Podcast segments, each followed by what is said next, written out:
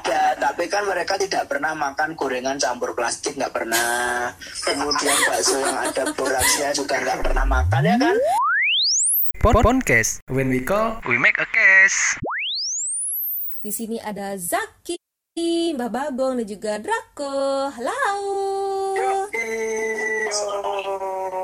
Yay. Waalaikumsalam. Waalaikumsalam warahmatullahi wabarakatuh. Jadi eh, ya malam ini kita bakalan silent banget, nggak ada background karena ini bakalan eh, dijadiin podcast. Bener ya? Oke. Eh, Zaki, eh, Drak, eh, Mbah, kalian denger suara gue jelas nggak kira-kira? Ya, Ah, jelas jelas banget sih. Oh, jelas banget ya. Oke. Nah, ini kan dua hari yang lalu nih ya. Ini sekalian kita belum ngobrol-ngobrol, ngobrol-ngobrol. Dua hari yang lalu kan Pak Jokowi udah ngumumin gitu. Kalau misalnya ada dua warga negara Indonesia yang terinfeksi virus corona. Eh, awalnya katanya penyebabnya karena eh, mereka sendiri terinfeksi oleh warga negara Jepang yang sempat mampir atau eh, singgah ke Indonesia gitu dan ini menimbulkan kepanikan nih gitu orang-orang kayak wah ternyata Indonesia tuh nggak kebawa virus juga gitu loh ternyata bisa juga kena virus corona. Kira-kira kan kayak gitu ya. Nah gue mau nanya dulu nih buat Drako dulu. Drak di Aceh sendiri serame apa sih seheboh apa sih virus corona ini? Kalau di sini ya, kalau di sini tuh nggak ada seheboh kayak panik buying atau apa pun itu nggak ada sih. Malahan orang-orang di sini tuh di kota besarnya sendiri juga kayak biasa aja gitu. Kayak seakan-akan nggak terjadi apa-apa gitu. oh ya? Ah, iya, bahkan beberapa teman-teman kantor gue gitu kan, ya mereka pastilah gitu kayak ngelihat juga dong berita-berita gitu kan. Soalnya kan di kantor itu kan ah, ada TV juga kan, jadi setiap istirahat tuh mereka nonton TV dan nonton berita. Ya, Hmm. isu corona ini menyebarnya udah sampai ke sini sebenarnya isunya gitu. Cuman Isunya. orang-orang sini, ya, cuman orang-orang sini tuh kayak apa ya kayak nanggepinnya biasa aja gitu. Kayak Hmm. ah elah gitu doang dibikin panik gitu nggak nggak nggak gimana sih Hmm. kayak gitu sih no Oke, Zak, kalau di tempat lu sendiri gimana nih terkait virus corona? Gua nggak tahu ya di kantor lu sendiri ada ekspatriat kah atau gimana nih hiruk pikuknya, kehebohannya. uh, betul memang kalau perusahaan gue sendiri kan headquarternya di Singapura ya. Wah, ayo lo Singapura. Nah, Di tempat Singapura apa semua orang tuh. kan.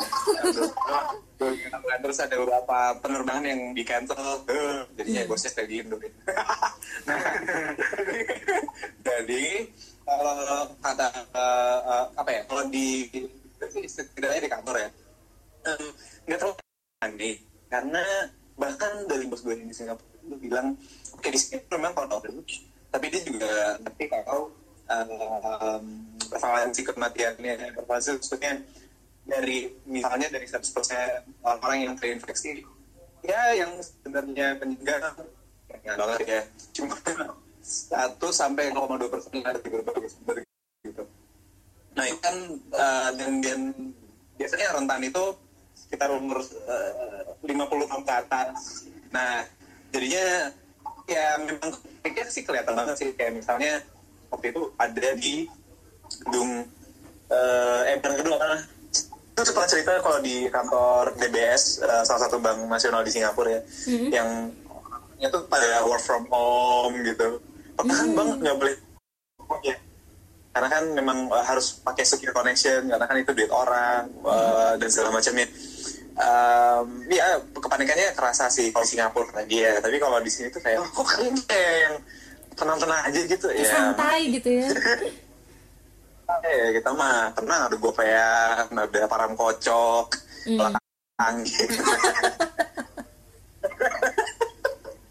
Iya, lagi ini viral corona ya. Mas angin aja. Wah ya gila sih. ah, sih. Tapi tapi di di kantor lu sendiri ada nggak sih eh, Zak misalnya kayak em, apa namanya tuh em, apa ya kayak penjagaannya mulai ketat kayak misalnya hand sanitizer kalau misalnya lu masuk ke lobby itu udah disediain hand sanitizer di setiap lantai udah disediain hand sanitizer kayak gitu-gitu nggak sih di kantor lu? Ah, iya Iya ya. jadi tiba-tiba itu di mana-mana om terus yang uh, yang aduh mohon maaf ya teman yang etnisnya Tiongkok gitu ya mereka jadi pada tahu diri. Udah pakai masker. Ini dan dan yang paling horor yang paling horor gini ya kalau misalnya kantornya itu yang nyampur gitu ya kayak ada ekspatriat juga di sana gitu. Pas di lift ada yang bersin itu horor nggak sih? Kayak orang-orang aduh corona nggak ya? Gitu nggak sih? Itu itu uh, bos gue pernah cerita itu dia ada lagi di jalan mau ke kantor terus lagi bersihin dia sampai uh, mundur dulu ke gang dulu sampai Gila. orangnya lewat terus tunggu sebentar baru jalan lagi sampai dia bilang gini gue jalan sambil gue niup napas gitu loh biar virusnya nggak masuk paru gue Iya. oke siap Gila sih, Iya, iya. segitu paniknya ya. Dan ini ada ada satu cerita kocak juga nih, satu lagi dari Mbah Bagong ya, Mbah kita semua. Katanya justru di tempatnya Mbah Bagong ini udah ada yang namanya panic buying. Jadi orang-orang kayak belanja, belanja seheboh-hebohnya ya, sampai gak kebagian apa aja Mbah. Gimana gimana? Cerita di tempatnya Mbah nih. itu benar nyonya jadi kalau misalkan tempatnya Mbak Bagong ini kan di daerah ya kemarin itu sebetulnya ada juga yang di Tulungagung itu teridentifikasi corona ternyata setelah apa ditelusuri lebih lanjut corona memang betul teridentifikasi corona tapi komunitas rondo mempesona Iya. Iya, Sempet sempetnya loh. ini, ini ini satu yang jadi pertanyaan gue gitu ya. Kok bisa dijadiin lagu sih gitu loh. Ya kan apa-apa kalau viral kan kalau di eh, Indonesia selalu dijadikan lagu. Eh wait, wait, wait, Corona ada lagunya juga. Corona ini Iya. ada termasuk sih malah. Mm-mm, termasuk jurus viral tuh ini. Oh iya. Viral corona. Iya, Oh. virus apa viral itu.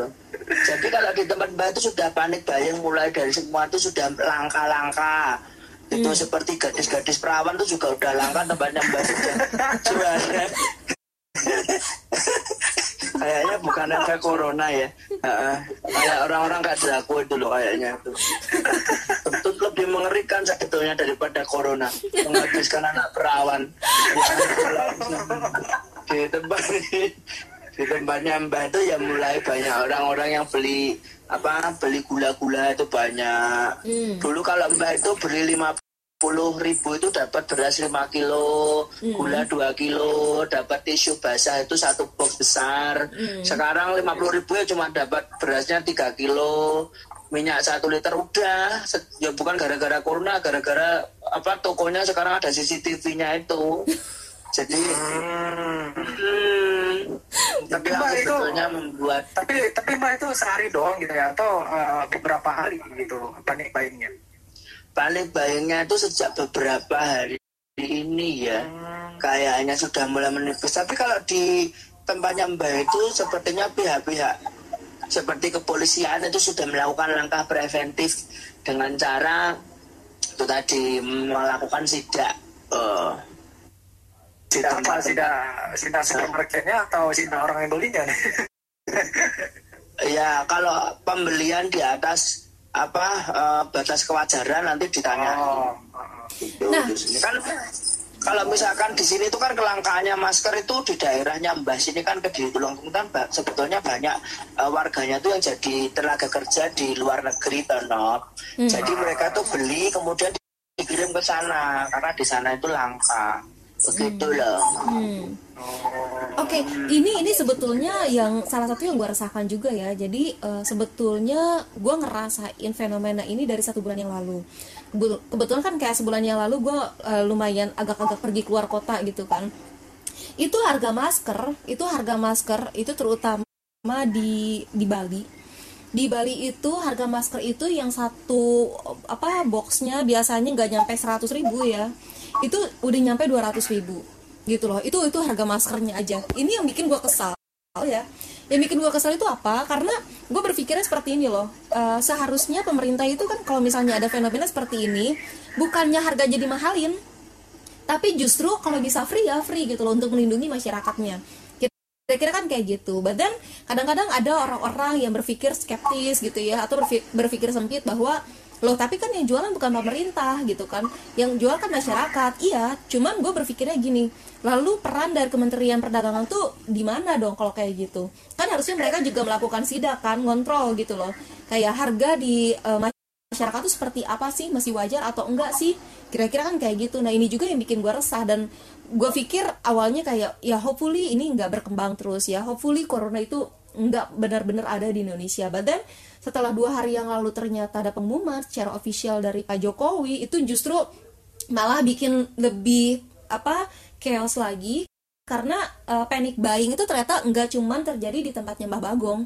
Di tempat gue pun sama. Jadi di Bandung kemarin uh, gue baru pulang dari Bandung adik gue tuh belanja udah nggak dapat apa-apa. Jadi bahkan troli aja itu harus antri gitu loh. Kita tisu gulung itu nggak kebagian. Terus kayak gula pasir nggak kebagian deterjen nggak kebagian sampai segitunya gitu loh. Dan bahkan um, apa namanya itu yang paling kocak dan uh, it's it's quite annoying actually. Jadi kayak uh, kan di rumah itu memang kita biasa stok uh, tisu basah ya. Jadi kayak ya mungkin 3 sampai 4 pack biasanya per bulan.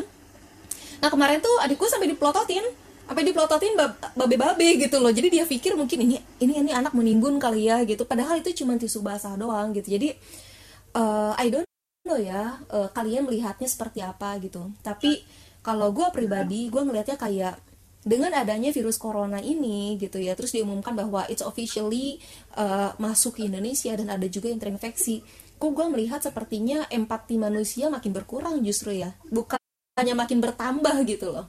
What do you think nih? Buat menurut kalian gimana? Iya kalau kemarin mbak itu beli-beli tisu itu ya kehabisan tisu basah. Akhirnya saya penjualnya ini aja mbak beli tisu. Sama sama tisu magic Jadi dipakai kok kencang-kencang gini ya. Mbaknya loh. My goodness. Aduh itu bengkak nanti mbak okay.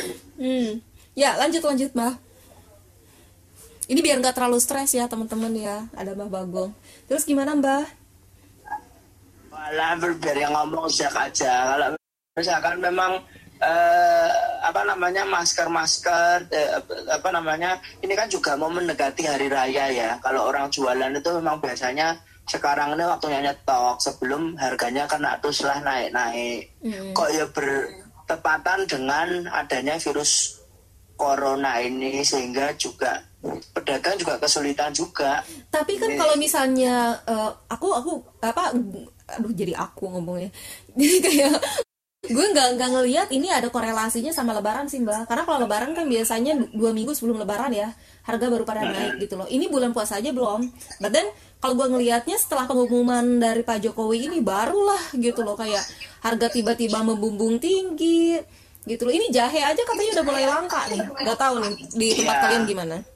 Kan ada apa namanya video atau pesan broadcast yang menyebutkan bahwa rempah-rempah itu bisa mem, mem, apa ya menghilangkan corona begitu sehingga Mbah juga kesulitan rempah-rempah di sini juga kurang. Tapi memang kalau orang jualan nop bulan-bulan gini ini sudah waktunya untuk nyetok memang. Jadi kan kalau Mbah itu kan memang biasa pedagang-pedagang itu memang hmm. biasanya bulan-bulan ini itu nyetok nanti puasa sudah mulai naik kemudian mendekati lebaran naik lagi gitu hmm. ada waktunya jadi kayak gula minyak itu udah mulai habis tapi ternyata ada efek corona ini jadi lebih cepat lagi hmm. orang-orang hmm. mungkin takut kali ya kayak di Wuhan itu yang di sana orang nggak bisa makan kemudian apa namanya uh, di sana itu betul-betul langka makanan apalagi gadis perawan kayaknya udah nggak ada. Terus kemudian kuku uh, banget jadi ini ada ketakutan ketakutan gitu. Tapi sebetulnya kalau di tempatnya mbak sini masih normal-normal aja. Jadi hmm. sebetulnya apa namanya kayak peran dari uh, pemerintah setempat, kemudian jajaran kepolisian yang ada di daerah turut mengamankan, memberikan edukasi hmm. bahwasanya memang kita nggak perlu panik buying dan kita tuh sekarang dalam kondisi yang sebaik-baik saja. Kemarin yang ternyata kasus di Tulungagung yang di rumah sakit dok dokter Iska itu hmm. orangnya ternyata setelah diidentifikasi ternyata negatif hmm. gitu loh jadi ternyata virus corona itu tidak semudah itu masuk ke dalam tubuh orang Indonesia karena orang Indonesia virusnya jauh lebih mengerikan daripada virus corona loh emang Indonesia karena apa ada, virusnya virus ada apa malaria hmm. malaria kemudian ada apa disentri kemudian virus utang nggak mau bayar. Itu jauh lebih mengerikan daripada virus corona. yang terakhir epic sih. Nggak cuman Ngeri banget itu, iya kan? Udah Pertanyaan gue, pertanyaan gue adalah gini loh tapi kalau misalnya ya eh, oke mis- eh, mungkin ada beberapa virus yang lebih mematikan yang pernah menyerang Indonesia salah satunya adalah malaria. Misalnya seperti itu. Dan itu kan pernah jadi kayak epidemik ya di Indonesia sendiri. Nah eh, tapi kan bukan berarti bahwa misalnya saya pernah terkena malaria berarti saya akan lebih rentan terhadap corona. Kan nggak seperti itu kan ya? I I don't know. Eh, Zak gimana Zak? eh, tadi gimana pertanyaan? Sorry. Eh, tadi kan di- disebutkan bahwa sebetulnya ada virus yang lebih eh, mematikan di Indonesia. Salah satu contohnya adalah malaria, misalnya kayak gitu. Tapi kalau misalnya anggaplah gue pernah terkena malaria, bukan berarti kan bahwa karena gue pernah terkena malaria, which is itu adalah virus yang lebih mematikan dibanding corona, berarti gue lebih rentan terhadap eh, corona, nggak kayak gitu kan?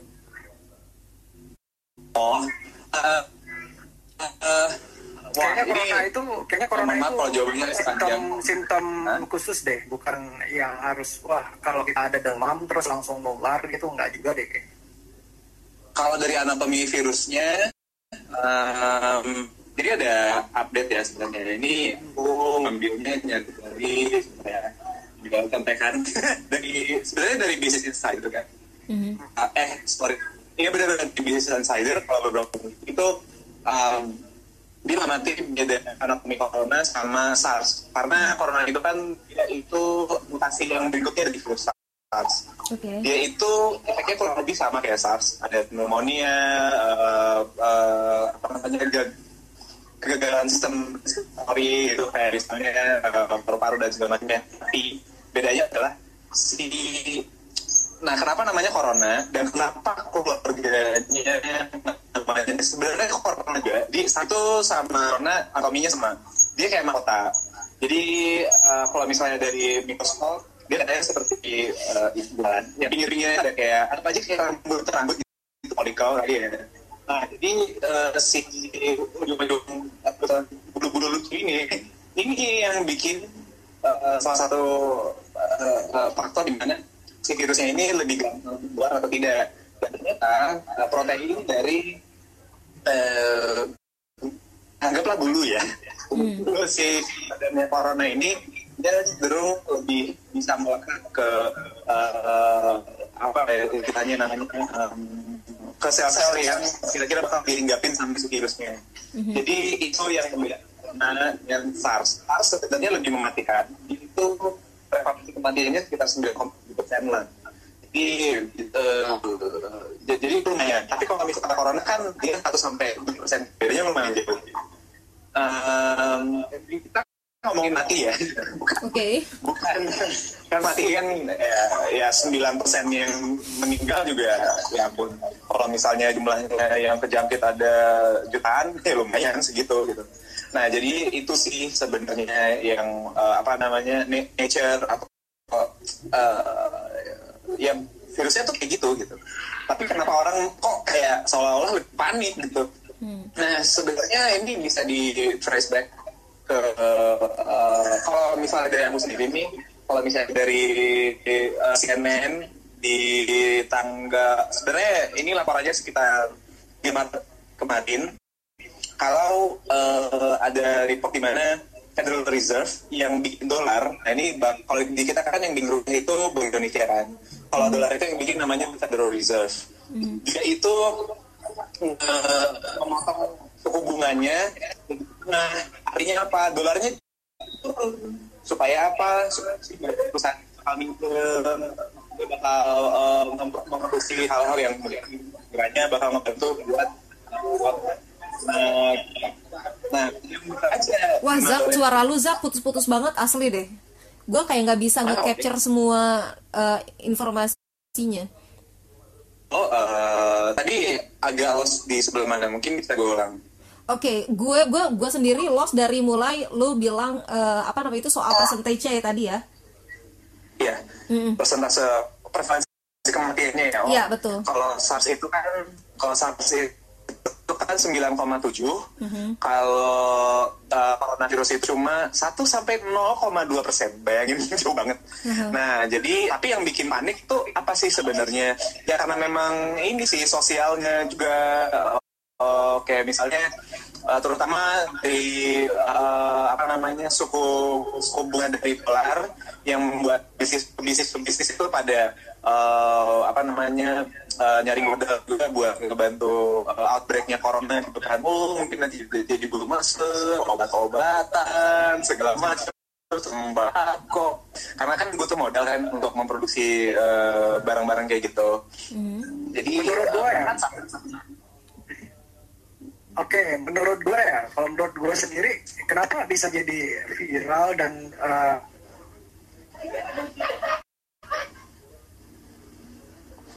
gitu dan keadaan gitu ya kan.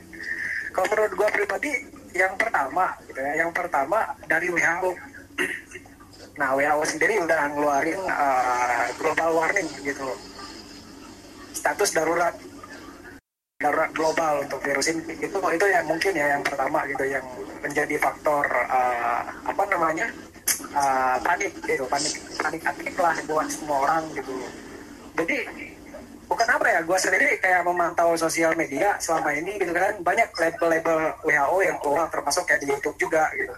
Nah ada beberapa video di YouTube yang membahas virus corona itu ada label khusus dari WHO gitu. Kayak gitu. Dan ini mungkin yang jadi apa ya? Gue sendiri gue gue pribadi masih kayak agak skeptis itu ini kok corona gitu kan? Yang virus cuman uh, ke umur 50 tahun ke atas kok. Halo. Gitu ya kan. Drak, drak keputus, ya, Cuman ya ya itu ya gue bingung aja kok bisa seheboh ini sedangkan di tempat gue sendiri nggak ada seheboh itu gitu nah di sini gue bukan berarti meremehkan virus ini enggak gitu ya. Tapi kayak apa ya? Gimana ya bilangnya? Kayak ah kemon lah gitu. Lagi yang juga virus ini juga ngaruhnya ke orang-orang yang udah tua gitu ya kan. Terus ya kalau memang kita terlalu takut untuk itu ya tentunya ya kita jaga kebersihan lebih mumpuni kita kita jaga kebersihan gitu kan tapi lagi pula kalau misalkan di Indonesia itu kayak misalkan anak-anak kecil itu ya itu hmm. banyak yang sudah pakai imunisasi mulai dari BCG IPV, meningitis dan seterusnya imunisasi cucunya mbah kemarin itu ada kalau 12 kalau enggak 13 kali suntik itu sampai pintal-pintal semua. Jadi kayaknya orang Indonesia ini lebih tahan deh ya daripada orang-orang di luar sana. Loh, memangnya uh, ya. uh, imunisasi seperti itu, imunisasi yang kayak barusan ya dari mulai yang ke satu, kedua ke sampai hingga ke 12 itu memang nggak ada di luar negeri. Uh, Prosedur itu. Juga ada tapi kan mereka tidak pernah makan gorengan campur plastik nggak pernah kemudian bakso yang ada boraksnya juga nggak pernah makan ya kan orang Indonesia itu sudah digembleng dengan berbagai macam kekuatan-kekuatan yang mana itu sebetulnya membuat tubuh mereka itu lebih tahan terhadap virus jangan kan corona penyakit yang iya. lebih itu aja dia tahan kok Mana ada orang kalau nggak orang Indonesia makan kentaki pakai lilin, ya kan? Ada plastiknya, gorengannya, bakso ada pengawet mayatnya, nggak ada. Kalau di Indonesia, wah, terus sudah kita temukan dari zaman dulu kala. Hmm. Nah, enggak, gini kali mbak, maksud secara persepsi juga uh, apa ya misalnya um, kepanikannya kan pasti uh, awalnya dari rasa uh, pengetahuan di mana oke okay, ini ada virus yang belum ketemu vaksinnya. Terus uh, ya kan perkembangannya juga masih uh, apa ya harus kita ikuti juga dan masih berkembang masih diteliti dan segala macamnya. Nah bayangin aja mah yang seumuran SMP, SMA, kuliah, yang baru kerja, emang pada nonton berita gitu? Atau enggak, kalaupun ditonton, ujung-ujungnya ke mana? Scrolling Instagram, story, apa, uh, scrolling story, oh, oh, ada endorsement lagi dari selebgram siapa berant siapa berantem sama siapa. Terus habis itu oh ada Winfest oke okay. duit beli tiket. Nah itu yang sebut iya kayak kita patut bangga dengan generasi apa milenial kita yang sebetulnya mereka tuh tidak begitu gubris masalah virus corona ini justru yang paling penting buat mereka bagaimana bikin TikTok yang keren Malah kemudian lagu ya? iya bagaimana dia bikin lagu kemudian bagaimana memparodikan eh, corona ini agar bisa dapat like dan view yang banyak. Gitu. Justru mereka Iya, nanti akan berafiliasi dengan virus ini untuk membuat konten mungkin ya. Suatu saat ada. Karena memang dibanding negara lain kayaknya konsumsi micin orang Indonesia lebih banyak sehingga kita patut bangga dong menjadi apa Cuman gini loh, mm, balik lagi, balik lagi ke soal corona itu ya. Kan sebetulnya ini ini uh, please correct me if I was wrong ya. Uh, tapi Yeah. konsepnya itu kan virus itu dia akan mudah terjangkit kepada seseorang apabila imunitasnya sedang turun. Iya nggak sih? Eh, karena gini aja mungkin eh, simpelnya kalau misalnya a- apa ya yang di, di lebih muda dari 50 atau 40 tahun kan setidaknya ya organ tubuhnya masih prima performanya. Kalau yang udah di atas itu kan memang dari sendiri formnya itu turun terus dia sakit kayak misalnya apa ya mungkin kalau kayak anak kuliah gitu ya banyak aktivitas pergi ke mana-mana naik motor kena macet ih lu nggak capek apa enggak gue seneng-seneng aja jadi kayak seolah-olah nggak rentan sakit gitu kalau misalnya misalnya flu kalau misalnya kuliah mungkin izin tapi kalau misalnya nongkrong mau pileknya kayak apa juga tetap datang jadi eh, apa namanya sebenarnya kesimpulannya lebih ke eh, dari daya tahan tubuhnya sendiri sih yang kalau misalnya semakin menua ya harusnya semakin rentan Nov bahkan Nah, ke penyakit yang sifatnya simpel Eh. Nah ini yang jadi gue khawatirkan akhirnya ya tentang si corona ini. Bagaimana impact corona terhadap para penderita autoimun? Oh Kalau Iya misalnya juga ya. memang ada relevansinya dengan imunitas gitu loh. Karena kan penderita autoimun itu bukan berarti imunitasnya eh, buruk ya. Tapi kita tidak bisa tahu gitu loh. Kondisi badan kita tuh sebetulnya eh, kayak lu bisa ngelihat eh, gue fresh banget pagi-pagi. Tapi lu nggak bisa ngejamin gue bakalan masih fresh di sore hari misalnya. Atau lu ngelihat gue lesu banget di malam hari, lu nggak bisa ngejamin bahwa gue sebetulnya pagi-pagi udah fresh lagi.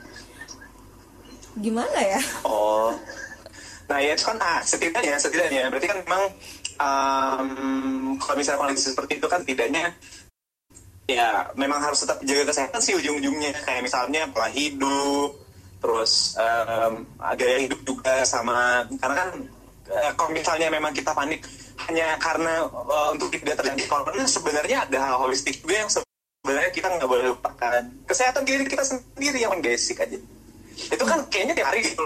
Maksudnya ada corona pun masih ada yang lain juga yang belum ketemu obatnya. Bahkan ah, gini lah penyakit penyakit gaya hidup deh. Kayak misalnya diabetes. Diabetes kan kenapa biasa makan gula kolesterol makan padang kayak pari. Eh no offense buat orang Padang loh.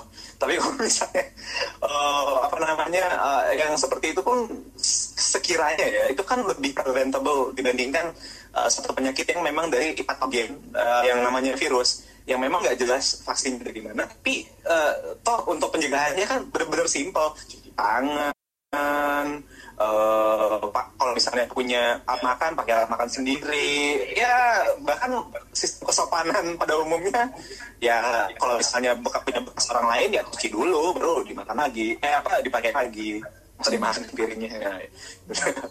gitu sih tenor ya dan em, gue juga ingin menyoroti hal yang lain sih ya gitu. Eh, gue nggak tahu apakah kalian notice atau enggak soal ini gitu. Jadi eh, gue juga eh, menyoroti dan juga prihatin terhadap kondisi bahwa eh, ini kan ada dua orang nih yang katanya eh, diduga eh, ter apa namanya tuh terinfeksi atau terkena ya terkena virus corona. Cuman in terms of uh, privacy kalian melihat itu nggak sih bahwa privacy di di negara kita buruk sekali ya gitu loh terhadap para penderita ini? Bahkan gue baca salah satu berita I don't know ya apakah itu beritanya adalah uh, valid atau tidak. Tapi di situ ada salah satu foto yang menunjukkan bahwa uh, rumah penderita corona itu sampai dikasih polis lain gitu loh. Itu kan sebetulnya sangat sangat uh, apa ya tidak etis sama sekali gitu loh. Jadi kesannya em, apa namanya tuh kayak you can imagine gitu kan kayak gue tuh penderita corona seperti gue tuh seorang kriminal yang harus diasingkan oleh semua orang. Padahal kan konsepnya gak seperti itu ya. Konsep isolasi itu kan sebetulnya bukan untuk mengasingkan seseorang tapi untuk Ah, menghindari eh, apa namanya tuh eh, penyebaran yang lebih luas kan konsepnya gitu kan. Kalau menurut itu kan memang pada dasarnya masyarakat Indonesia itu anu super kepo. Jadi kalau misalkan tidak menggunakan polis lain atau ditandai, eh jangan dilihat. Kalau misalkan ditandai jangan dilihat aja orang masih kepo untuk ngelihat. Maka sebetulnya kalau menurut Mbak sih sekarang ini dengan kasus corona ini mungkin itu adalah langkah yang maksimal yang digunakan melihat fenomena masyarakat kita yang sebetulnya super super kepo. Kayak misalkan di tempatnya Mbak Janot itu kalau misalkan ada orang pulang dari luar negeri itu tetangga RT RW-nya itu melapor ke Babin Kamtipmas untuk dilaporkan ke Dinas Kesehatan dan Polres untuk diperiksa apakah dia eh, teridentifikasi corona atau tidak. Bayangkan aja sampai kayak gitu. Padahal di bandara sudah diperiksa, kemudian di daerah juga diperiksa, Mhm. tingkat RT RW pun juga diperiksa lagi. Ya ampun, ya ampun. oh mungkin gitu I mean, sih mungkin ya, mungkin gini gimana, Drak? mungkin gini kenapa kenapa diberikan polis lain gitu di setiap uh, rumah yang terinfeksi gitu ya mungkin uh, ada beberapa isu entah itu hoax atau enggak yang katanya corona ini juga uh, punya kemampuan punya ability khusus gitu yang dia ini bisa menempel di benda-benda mati gitu loh. Nah, jadi kayak ya rumahnya juga benda-benda di rumahnya juga mungkin yang dipegang sama penderita si apa penderita uh, corona ini mungkin ikut ikutan kena di situ virusnya gitu maksudnya. Kayak oh ya corona ini juga nggak cuma nempel ke tubuh manusia tapi dia juga punya kemampuan untuk nempel di benda-benda mati gitu entah itu gelas piring atau apa pun itu gitu ya mungkin itu sih penyebab uh, kenapa di polis lain gitu rumah gitu loh Tapi kalau misalnya pemberitaan hal eh, pemberitaan seperti itu ya itu kan harusnya divalidasi dulu. Ya artinya adalah harus ada komunikasi antara pihak kepolisian dengan Kemenkes misalnya. Benar nggak sih bahwa corona itu juga bisa menjangkiti seseorang lewat benda-benda mati. Karena kalau misalnya memang benar seperti itu, ya artinya ada salah satu tugas dari Kemenkes untuk mengedukasi. Dan balik lagi tidak untuk memberikan polis lain. Dari sudut pandang gue ya dari sudut pandang gue ya tidak seperti itu gitu loh. Kenapa? Karena kembali lagi gitu loh konsepnya jadi mungkin ya mungkin karena uh, uh, tipe virus ini adalah tipe yang baru gitu ya. jadi kayak uh, sosialisasinya mungkin nggak unpredictable gitu loh. Nah. jadi kayak wah ini ini virus yang baru. Jadi Itu- itu kita dia, Drak. belum tahu. Itu dia Drak. Gue ngelihat eh, di Indonesia itu ya kekurangannya adalah eh, lack of communication. Lemah lemah dalam mengkomunikasikan segala sesuatu gitu loh. Jadi kayak misalnya gini em, apa namanya itu hal simple ya. Hal simple gue baru aja baca beritanya eh, wali kotanya menginformasikan bahwa eh, sumber berita eh, apa namanya tuh awalnya penyebaran em, informasi bahwa ada dua orang WNI dan datanya terungkap itu dari wali kotanya. Dan wali kotanya bilang oh iya waktu itu saya cuma lagi ngobrol-ngobrol aja. Sekelas wali kota itu kan juga harus menjaga ucapannya ya apalagi di depan publik meskipun itu tidak dipublikasikan. Oke jadi di sini ada dua hal yang berbeda nih. Berbicara di depan publik dengan sesuatu yang dipublikasikan. Dia mengklaim bahwa memang di situ ada wartawan tapi tidak untuk dipublikasikan. But again kalau misalnya dia seorang public figure ya artinya segala uh, ucapannya akan didengarkan harus lebih berhati-hati dalam berbicara di depan publik meskipun tidak dipublikasikan. Kan kira-kira kayak gitu. Jadi gue ngelihat kayak apa ya uh, lack of communication sih. Balik lagi yang tadi.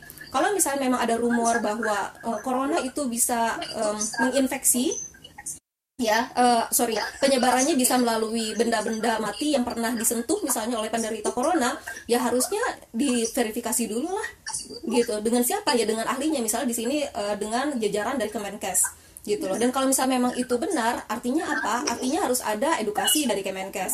Dan artinya apa? Harus ada tindakan yang tidak memenjarakan penderita corona karena ini kan jatuhnya jadi memenjarakan ya. Kalau gue melihatnya dari sudut pandang gue memenjarakan penderita eh, apa namanya tuh corona gitu dengan dikasih polis lain seolah-olah dia adalah seorang kriminal besar gitu loh yang bisa membunuh orang lain. Kan kesannya gitu padahal konsep isolasi itu adalah untuk mencegah penyebaran bukan untuk memenjarakan seseorang.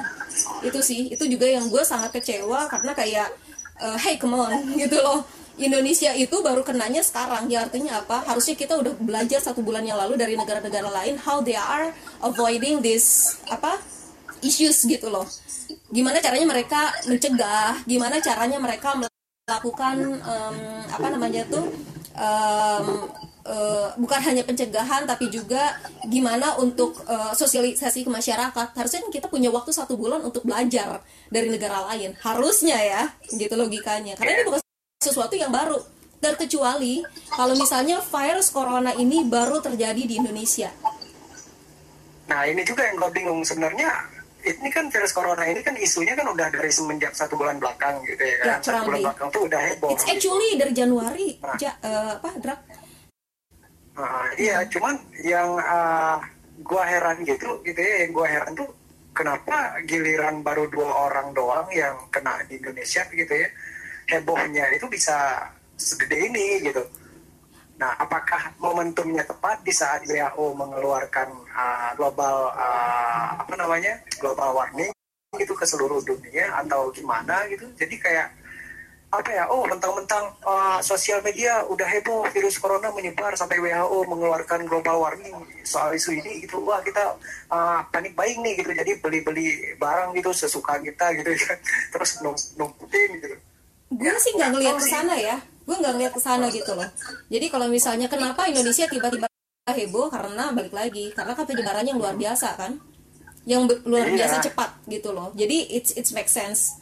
Ya it makes sense uh, saat kalau misalnya uh, kita tidak melihat dari angkanya berapa banyak yang yang terinfeksi tapi dua orang itu akhirnya uh, saat Indonesia memang ada yang ter, terinfeksi dua orang gitu ya it makes sense kalau misalnya orang-orang menjadi uh, quote unquote panik gitu karena uh, mereka melihat dari media penyebaran virus corona yang begitu hebat gitu. Dan juga uh, banyak juga menyebabkan kematian kan sebetulnya gitu di luar sana. Meskipun uh, unfortunately kita juga nggak banyak diedukasi. Itu yang meninggal itu rata-rata dalam usia berapa dan dalam kondisi yang seperti apa? Itu kan yang kita juga kurang informasinya kurang diedukasi soal hal tersebut gitu loh. Dan pertanyaannya dan uh, dan yang lainnya juga adalah kita juga kurang diedukasi dari misalnya 9.000 orang yang terinfeksi, berapa orang yang meninggal dunia dan berapa orang yang sembuh. Itu kan kita nggak tahu nih presentasinya berapa besar. Yang orang tahu adalah karena virus corona pada meninggal. But we don't know the numbers kan, the actual numbersnya compare to yang sembuh gitu. Karena kalau misalnya kita diedukasi akan hal tersebut, yang sembuhnya ada sekian persen loh misalnya. Yang sembuh dari virus corona adalah 90 persen, misalnya yang meninggal dunia 10% kan harusnya ini tidak menjadi kepanikan di dunia. Kalau di edukasi ya terutama di Indonesia gitu loh. But unfortunately gue juga ngeliat itu tidak diedukasi juga. Jadi kita nggak tahu. Yang kita tahu seolah-olah stereotipnya adalah corona sama dengan mendekati kematian gitu. Betul, kalau misalkan di Mbah itu memang ya grup WhatsAppnya Mbah yang apa veteran itu biasanya ngirim tahajud call itu kemarin ngirim video-video apa tentang corona orangnya mati di sana. Kalau di Wuhan kondisinya begini-begini. Paling tidak itu memberikan efek kepada orang-orang awam kayak Mbak Bagong gini itu jadi takut. Padahal sebetulnya kalau misalkan dilihat dari keseluruhan jumlah pasien yang meninggal dan juga yang sembuh itu ternyata banyak yang sembuh gitu hmm. loh. Hmm. Lagi pula juga orang-orang Indonesia itu tidak konsisten. Dulu ketika Cina bingung kena kasus corona banyak yang bilang oh itu gara-gara ngaku-ngaku di Natuna sekarang kena santetnya orang Indonesia akhirnya nyaho lu ya begitu. Kemudian ya, sebetulnya itu nggak relevan sama sekali kan Iya, kan kemudian terus dikaitkan lagi semuanya kena, kok Indonesia nggak kena. Wah, Indonesia nggak kena sendiri loh gitu. Kemudian kemarin ada dua orang masuk kena corona sudah panik semua ah, ternyata bisa di Indonesia. Akhirnya semua sudah apa panik panik begitu. Jadi memang sebetulnya peran media itu kayak sekarang ini tadi Pak ya, baca berita itu uh, apa Kementerian Kominfo itu sedang memburu para penyebar hoax termasuk yang tadi masuk di line apa di berita di line itu ada anggota dewan yang juga termasuk dalam salah satu penyebar hoax mengenai corona ini. Jadi sebetulnya yang lebih menyeramkan tuh bukan virus coronanya tapi apa Medianya, namanya, gitu, berita ya berita medianya itu yang menyebabkan keguncangan ekonomi. Sekarang semua ekonomi itu lumpuh gara-gara media yang memberitakan terlalu besar-besarkan corona mungkin di sini juga ada bisnis lain ya yang terselubung di belakang di belakang corona ini yang mungkin eh, apa namanya eh, negara-negara yang memiliki kepentingan bisnis dagang itu memanfaatkan corona ini sebagai isu yang digunakan untuk melemahkan kompetitornya atau menjual satu produk yang mungkin bisa dimanfaatkan dari isu ini sehingga itu sangat gede sekali efeknya. Ya. Ya, Begitu dan lah. satu lagi dan satu lagi ini kenapa uh, semakin menyebar dan meluas gitu kan? Yang gua tahu uh, banyak orang di luar sana gitu ya kan? Apalagi di sosmed itu lebih uh, berspekulasi bahkan mengembangkan teori konspirasi sama hal ini. Yang katanya virus corona itu adalah senjata biologis itu pertama gitu. Loh terus uh, selain senjata biologis pemerintah terus kayak apa lagi ya? Kayak um, itu hukuman dari Tuhan gitu. Macam-macam lah. Jadi kayak iya jadi kayak konspirasinya tuh macam-macam bahkan ada yang sengaja bilang uh, kalau pemerintah Cina itu menutup-nutup uh, apa namanya uh, isu corona ini di Wuhan gitu. Cuma untuk membunuh beberapa orang gitu. Ya kayak gitulah. Bahkan konspirasi kayak gitu juga berkembang. Dan yang paling unik konspirasinya ya virus Tapi corona ini itu itu juga dibenarkan gini. Jadi kemarin Ah. itu sempat merebak kabar itu. Kenapa Indonesia nggak kena? Padahal Indonesia itu pusat, punya pasar tomohon yang jauh lebih ekstrim daripada Ya. di Wuhan. Ya, Kan? benar. oh itu ternyata ada kena santet dari sini setelah memperebutkan Natuna. Nah itu iya. kebanyakan Nah, itu- makan icin. Nah, cuman yang paling menarik ada satu apa namanya satu is, eh, satu konspirasi gitu yang katanya eh, corona ini eh, aduh apa ya? Gue lupa lagi. Em, selain senjata biologis satu lagi eh, apa ya tadi? Aduh lupa lupa. Serius. Ah iya serius. Lupa. Kepotong tadi. Ki Joko dan Haji Ridwan bener ini kata Baron ini loh. Way, Ah, kita iya, ini, belum ini, gue ingat, gue sapa-sapa ingat, nih. gue ingat, gue ingat. Konspirasinya ini, virus corona ini sempat diisukan, ini adalah virus zombie. Gitu, yang mana, iya, iya, loh, Oh iya betul. Ah, Video terus yang pertama itu gitu. orangnya kayak kejang-kejang gitu ya, yang Iya, dikirim. kejang-kejang gitu, terus tiba-tiba kayak ada orang jalan, terus tumbang tiba-tiba gitu. Nah, sampai kayak gitu, mungkin karena itu ya, karena uh, konspirasi konspirasi kayak gitu itu bikin uh, orang-orang yang awam dan nggak tahu apa-apa, bahkan yang nggak punya edukasi sama sekali soal virus ini, jadinya kayak apa ya kayak ngerasa "Wah, gila ternyata virus corona itu segede ini impactnya gitu ya kan? Jadinya ya ya udah pada panik lah. Ditambah dengan media yang besar membesarkan gitu ya kan? Jadinya kayak apa ya kompleks aja sih permasalahannya yang harusnya corona ini apa ya semacam uh, virus kecil gitu kan sama kayak uh, SARS dan MERS gitu nggak seberapa lah gitu kan. Uh, karena ilmuwan juga udah mengembangkan vaksinnya gara-gara media gitu ya, ya. WHO juga jadi ikut-ikutan gitu. Kayak wah ini beneran nggak sih isu ini isu itu? Gitu. jadi kayak WHO ikut-ikutan ngeluarin status darurat global untuk virus ini gitu. Jadinya ya chaos lah. Betul. ya Banyak kok itu teori-teori konspirasi di antaranya juga mungkin ini urusan perang dagang Cina dan Amerika. Ya. Kemudian juga karena mau ada perang dunia ketiga ini sementara ini Iran terinfeksi banyak banyak yang kayak kayak gitu. Jadi teman-temannya Mbak Ngopi itu nggak ngomongin masalah utangnya mau dibayar kapan, ngomongin ini aja sudah. Padahal dia juga nggak ikut-ikutan. Oke, eh, gue gue gue pribadi sih gini ya, eh, nggak tahu kenapa, tapi gue tuh kayak gue nggak terlalu tertarik dengan konspirasi yang ada di belakangnya, karena kan there is a lot of people who talking about the conspiration behind this virus gitu ya, jadi kayak ada orang yang bilang ini itu ini berspekulasi apa segala macam, but I don't know. no Gua- no bukan ini ini maksud bu- kita concernnya bukan konspirasinya tapi lebih ke dampak konspirasi Betul. itu sendiri Iya. betul betul sepakat. sehingga ada panik buying itu karena tadi banyak spekulasi, banyak berita-berita hoax simpang siur yang bertebaran di masyarakat. Sekarang kita tinggal buka gadget ini aja udah banyak video-video yang dikirim di grup grup di status-status seperti Novi lihat. Iya, oh iya. ya, tapi menarik buat Mbak gini. Tadi Novi sempat ngomong tentang polis line. Ya.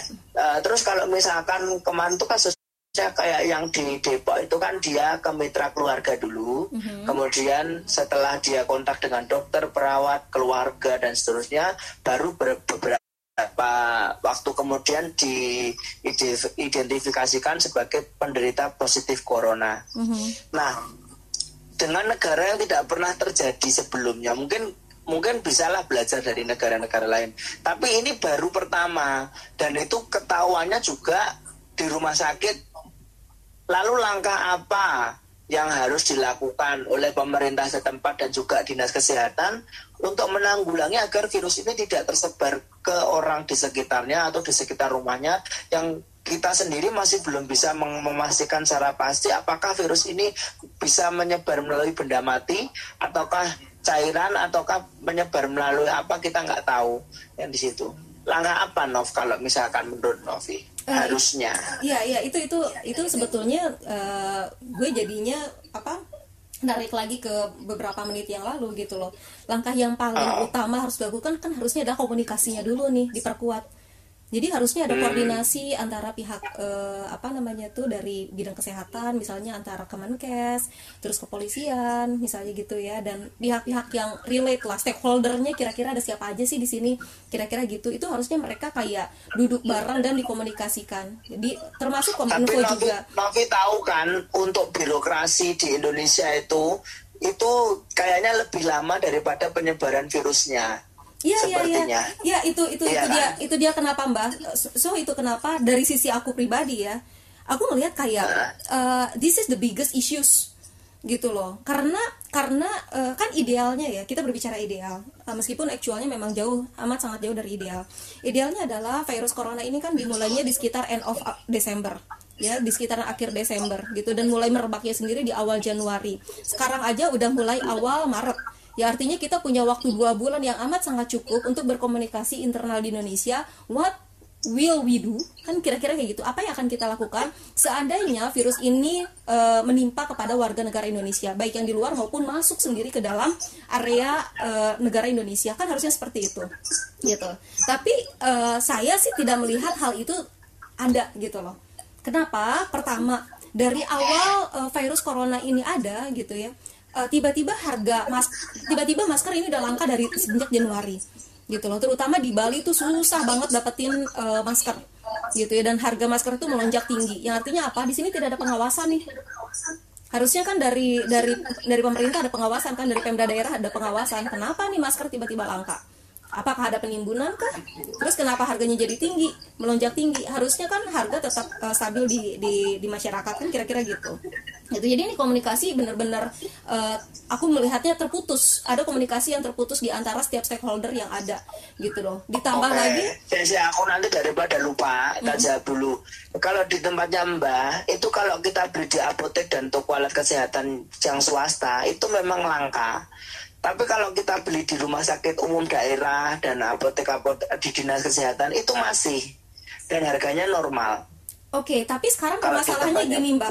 Kita seberapa tahu hal tersebut bahwa bahwa sebetulnya kalau misalnya kalian belinya di rumah sakit itu lebih mudah. Kita tahu nggak informasinya? Betul. Saya pribadi nggak kan tahu. kalau misalkan kalau misalkan Novi menyalahkan apakah pemerintah sudah melakukan pengawasan dan intervensi, bagaimana bisa kalau misalkan memang tokonya habis, bagaimana cara kita mengintervensi pasar? Nggak bisa. Kalau misalkan eh, mengintervensi eh, institusi yang dari pemerintah mungkin bisa. Buktinya untuk di tempatnya Mbak sekarang di dinas kesehatan dan juga di rumah sakit daerah itu masker masih tersedia meskipun dengan jumlah yang terbatas dan untuk skala prioritas tertentu yang diberikan untuk masker. Nah, kalau misalkan kita me- menilai tentang pernyataannya Novi yang apa, menyebutkan bahwa harusnya pemerintah memberikan pengawasan dong, karena ini memang fenomena sudah terjadi sejak Desember. Gimana caranya kalau misalkan di daerah di apa namanya pengusaha swasta yang di mana dia membuka usahanya itu terserah dia dong dia mau jual ke siapa kan pemerintah juga nggak bisa intervensi Wih. sehingga ada memang pihak-pihak tertentu mafia-mafia yang memang sengaja untuk menimbun sekarang ini. Memanfaatkan memanfaatkan menarik situasi. gue coba Iya, untuk compare betul. mbak. Gue coba untuk compare ya. Gue coba untuk compare dengan eh, kasus yang yang lebih simpel. Kasus yang lebih simpel adalah misalnya daging sapi. Kan ada kalanya Ya. daging sapi itu harganya melonjak tinggi. Betul. Dan penjual daging sapi itu kan bukan pemerintah. Yang artinya adalah individu atau swasta. Yes. ya kan? Tapi saat harga daging sapi melonjak tinggi kan pemerintah turut campur. Di situ kan politik berjalan. Politik kan Betul. berjalan di situ bagaimana agar ada eh, apa agar harga di masyarakat itu lebih stabil. Kan kira-kira seperti itu sehingga Oke. masyarakat tetap mendapatkan hak-haknya. Say kalau misalnya compare ya kalau misalnya compare ya gitu loh jadi eh, Nah, saat tapi ini tidak apple to apple. Kan kalau misalkan masker itu sebelum terjadinya virus seperti ini bukan komoditas yang apa namanya istilahnya se, se- seberharga daging sapi. Kalau daging sapi itu kan memang ada musim-musimnya kayak misalkan mau lebaran haji itu pasti naik. Kemudian mau ada leb- apa, lebaran Idul Fitri itu pasti naik. Dan itu memang harus ada bukan intervensi ya mekanisme yang dibentuk oleh pemerintah sehingga pembeli dan penjual sama-sama diuntungkan. Tapi kalau masker ini Halo? komoditas yang di mana orang semua butuh enggak ya Bahkan consumer ya apa? Iya bukan kebutuhan primer itulah maksudnya Mbak ya ampun bahasanya susah banget. Nah kalau misalkan kalau misalkan masker ini tiba-tiba ada fenomena seperti ini, mungkin pemerintah eh, juga kurang sigap dalam hal eh, tindakan preventif. Karena Iya. memang virus ini bersifat mendadak dan juga eh, apa namanya eh, bersifat apa ya istilahnya ya tiba-tiba terjadi begitu loh. Betul, tapi gini Jadi mbak, tapi gini mbak, kalau Ah. misalnya balik lagi ya, virus ini tidak tiba-tiba terjadi. Di Indonesianya ya, di Indonesianya tidak Betul, tiba-tiba terjadi. Tapi kan untuk, ya untuk- artinya, itu kan untuk kayak SARS itu kan terjadinya 2004 bayangkan aja Betul. 16 tahun yang Betul. lalu. Kemarin aja terakhir Mbak beli bulan November sebelum adanya virus ini ya itu Mbak terakhir beli memang Mbak selalu nyetok untuk apa namanya eh, eh, masker dengan merek inisialnya Sensi itu ya itu Mbak selalu nyetok di rumah itu harganya masih 20.000 ribu kok betul mbak, cuman kemudian langka Mhm. Heeh. dan itu terjadinya juga tepat sekali. Jadi toko itu yang di, di Kediri itu yang swasta ya itu yang betul-betul lengkap di situ tiba-tiba pada bulan eh, Desember tanggal pokoknya setelah ada video-video itu habis. Oke, concernnya Sudah gini ada. concernnya dari gue sendiri adalah lebih kepada karena virus ini tidak terjadi tiba-tiba di Indonesia. Kalau misalnya virus ini tiba-tiba meruak di Cina, di Wuhan, yes, benar. Tapi kalau di Indonesia tidak tiba-tiba, yang artinya apa? Eh, setiap negara kan ini udah pada waspada nih sebetulnya kan. Dari semenjak eh, Wuhan itu diisolasi, semua negara udah mulai sia- eh, siaga. Pertama mulai dari travel ban, ya kan? Dari travel ban eh, udah mulai di- digalakan gitu. Dan Indonesia sendiri, saya eh, dari sudut pandang pribadi gitu, melihatnya juga terlambat dalam melakukan travel ban. Itu satu. Terus yang kedua adalah eh, balik lagi ke masalah masker. Gitu loh bahwa masker ini memang kebut- bukan kebutuhan primer setuju. Sepakat eh, masker bukan kebutuhan primer sebelum adanya virus ini. Tapi kalau dari sudut pandang pribadi kembali lagi bahwa eh, ada baiknya eh, atau idealnya adalah pemerintah melihat bahwa oh ini ada virus corona yang dibutuhkan apa saja sih? Oh salah satu kebutuhan yang eh, dibutuhkan salah satu kebutuhannya adalah masker. Ya artinya adalah ada potensi nanti itu kalau misalnya eh, apa namanya tuh virus ini nyampe di Indonesia kita akan butuh banyak masker untuk eh, dalam rangka melakukan pencegahan. Kan kira-kira seperti itu. Gitu. Yang artinya apa? Em, apa namanya tuh pemerintah juga sudah siap-siap nih untuk melakukan misalnya operasi pasar untuk mencegah apa? Untuk mencegah harga masker ini membumbung tinggi. Unfortunately yang tadi gitu loh. Karena kurang sigap ini kan kurang sigap disebabkan oleh miskomunikasi mungkin karena kita birokrasinya terlalu eh, apa kompleks mungkin seperti itu. Sehingga akhirnya begitu virus corona dinyatakan oleh Presiden Jokowi bahwa ya ada dua orang WNI yang terinfeksi virus corona akhirnya ini menyebabkan kepanikan gitu. Yang harusnya secara ideal kita punya rentan waktu dua bulan di mana kita bisa benar-benar mencegah hal tersebut terjadi. Jadi saat ada virus terjadi uh, konsepnya misalnya ya ini kan ada ada yang namanya uh, planning.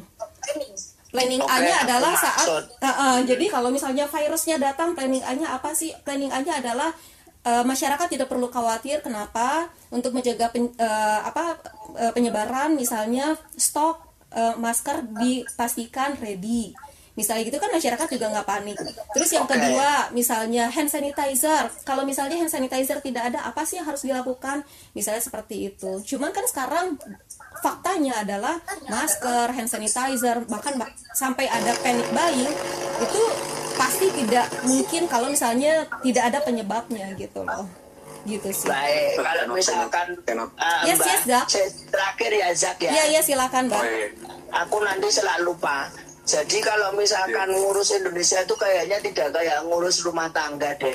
Jadi birokrasinya itu untuk menyampaikan ke seluruh itu butuh suatu hal yang betul-betul eh, dirapatkan, betul-betul menjadi sebuah problem yang di mana itu membahayakan stabilisasi negara. Sehingga orang juga nggak panik begitu saja mengumumkan. Kemarin sebetulnya kalau kita bisa lihat langkah preventif pemerintah ini saya bukan pro pemerintah ya tapi saya sebagai orang yang melihat secara awam bahwasanya Menkes sendiri itu mengatakan begini. Sebetulnya ini satir ya tapi ini sebetulnya untuk membuat masyarakat itu agak, agak tidak panik buying.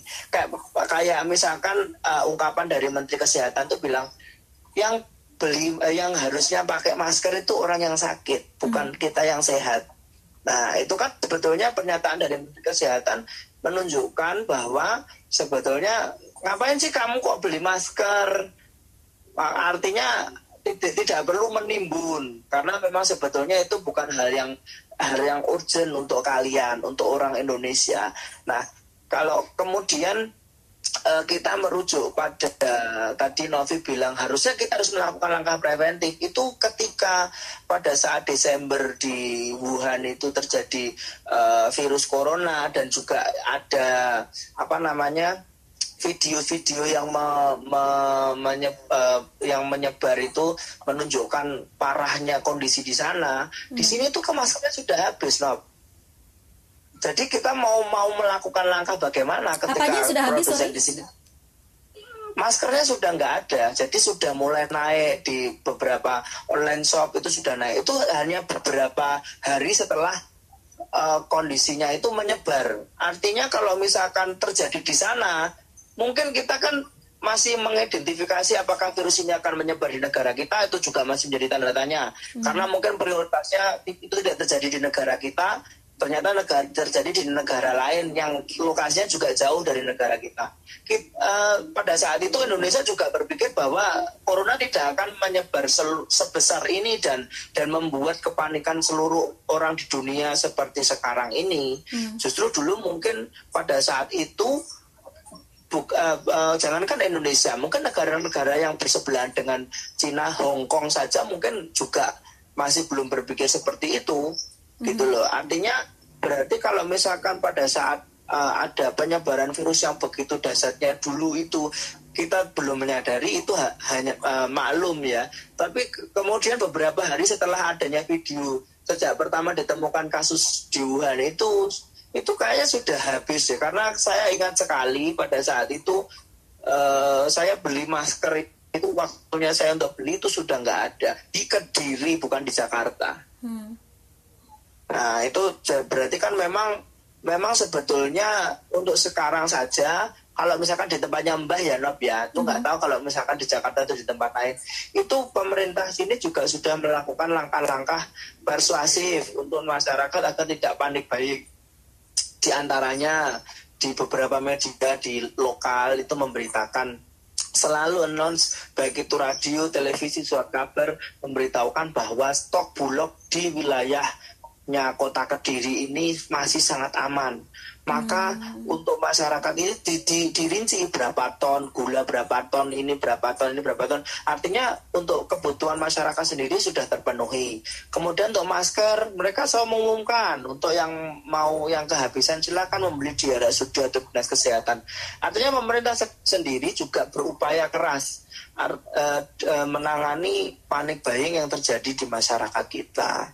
Jadi kalau misalkan eh, apa namanya kalau terjadi di, di luar uh, tempatnya Mbak nggak tahu ya. Mm-hmm. Tapi kalau sementara di sini itu itu. Kemudian kalau yang bersifat nasional kayak presiden, kemudian menteri itu sudah bilang apa uh, di Indonesia dulu kan yang ada peneliti dari Harvard atau dari mana itu menyatakan bahwa Indonesia langsung dijawab oleh Menteri Kesehatan itu namanya menghina. Pernah nggak baca artikel yeah. itu? Mm-hmm.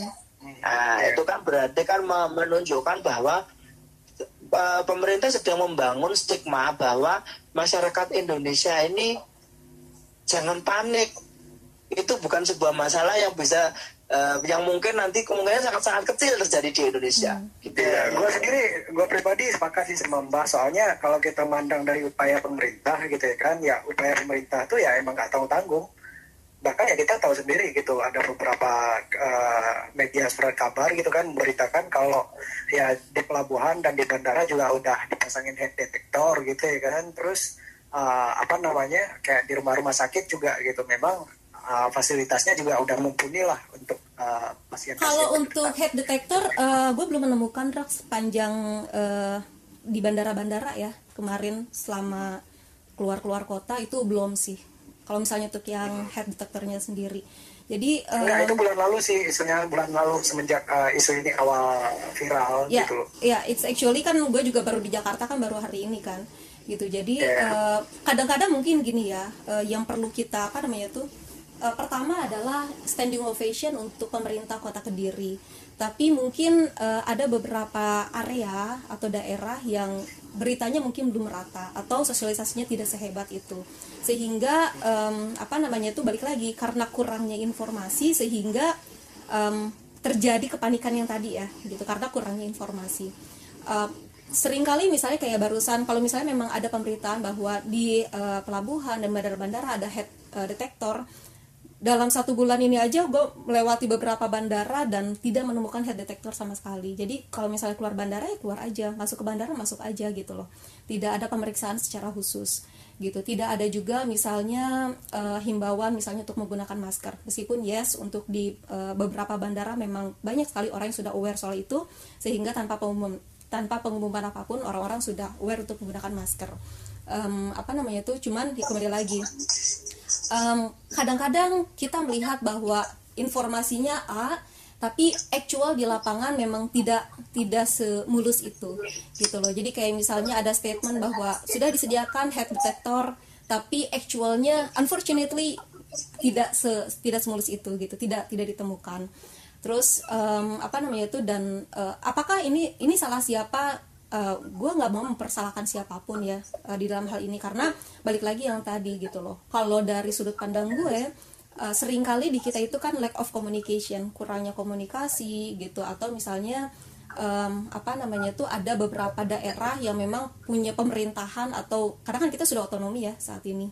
Jadi ada yang memang secara otonomi daerah dia sosialisasinya sangat bagus sehingga masyarakatnya sangat teredukasi. Meskipun meskipun dengan dengan edukasi yang segitu hebat di Kediri masih ada panic buying ya Mbak ya? So you can imagine. Itu edukasinya udah sangat bagus loh udah sangat luar biasa edukasi di di Kediri gitu ya. Sampai pemerintah eh, menyebutkan di Kediri ada survei bulog ini beras udah ready segala macam tapi panic buying masih ada. So you can imagine dengan daerah-daerah yang memang edukasinya kurang atau sosialisasinya um, apa namanya tuh kurang uh, segencar Kediri gitu loh. You can imagine panic buyingnya akan seperti apa gitu. Jadi um, apa namanya itu ya kita juga kan darurat literasi. Um, seperti uh, gue gue ambil satu sampel. Gue ambil satu sampel balik lagi ke soal kasus uh, korban uh, virus corona gitu. Jadi uh, di situ disebutkan bahwa uh, dia menuliskan uh, tulisannya gitu kan yang mungkin belakangan ini juga lumayan banyak orang-orang yang nge-broadcast uh, WhatsApp tersebut gitu. Tapi di situ sebetulnya dia menuliskan kata-kata bahwa I would appreciate if you are, if you don't share my picture. Kira-kira gitu. Tapi karena orang mungkin ada berita oh ini dari korban virus corona dan auto share itu juga menyebabkan fotonya malah tetap di share padahal dia udah bilang I would appreciate if you don't share my picture. Kayak gitu-gitu. Jadi um, apa namanya tuh komunikasi diharapkan sih ya ke depannya gitu loh. Kita kayak um, poinnya adalah kita udah banyak melewati banyak hal di Indonesia ini gitu. Terus uh, banyak juga korban-korban yang karena korban hoax ya panic buying pasti juga karena pemberitaan yang luar biasa dan akhirnya uh, mempengaruhi psikologis uh, apa namanya tuh masyarakat sendiri gitu ya. Mereka khawatir nanti mungkin ada satu area yang akan diisolasi seperti Wuhan terus gimana makan saya mungkin mungkin uh, benang merahnya ke sana gitu. Dan ya hopefully sih ke depan komunikasi antara semua stakeholders itu bisa jauh lebih baik gitu loh untuk meredam apa kepanikan ya gitu. Zak is there any comment? Tadi kayaknya mau komentar kepotong. Silahkan. Iya nggak apa-apa. Tapi uh, dari tadi ya, kita diskusi panjang lebar ya. Sebenarnya um, aku ngambil poinnya tadi sempat um, kita udah ngobrolin banyak lebar soal asal muasal corona, uh, kenapa bisa ada corona, bahkan sampai konspirasi kok corona bisa tersebar dan lain-lainnya. Uh, terus ada juga ngomongin soal uh, dampak dari konspirasi coronanya juga uh, ke ekonomi, ke um, apa namanya istilahnya tuh uh, uh, ke kebijakan kesehatan masyarakat. Terus ada sampai uh, bahkan ke soal privasi. Um, secara praktis yang penting kan nggak sakit. Sebenarnya pesan simpelnya sih seperti itu tapi uh, kalau dia dari sekarang misalnya tadi coba kita breakdown satu-satu deh. Misalnya kalau asal muasal kan tadi udah lumayan jelas ya dari nature si virusnya sendiri kalau memang uh, coronavirus itu uh, dia itu sifatnya intinya efeknya sebenarnya tidak semematikan SARS. Dia masih satu keluarga sama SARS. Penyebarannya dia lebih tinggi dibandingkan SARS. Oke, jadi akan lebih banyak orang yang ketular, tapi sekalipun ketular, prevalensi kematiannya sebenarnya di bawah SARS. Nah, berikutnya, um, terus kita ngomongin soal dampak dari konspirasi atau virus itu uh, uh, artinya apa bagi ekonomi kita, bagi uh, sosial kita dan segala macamnya.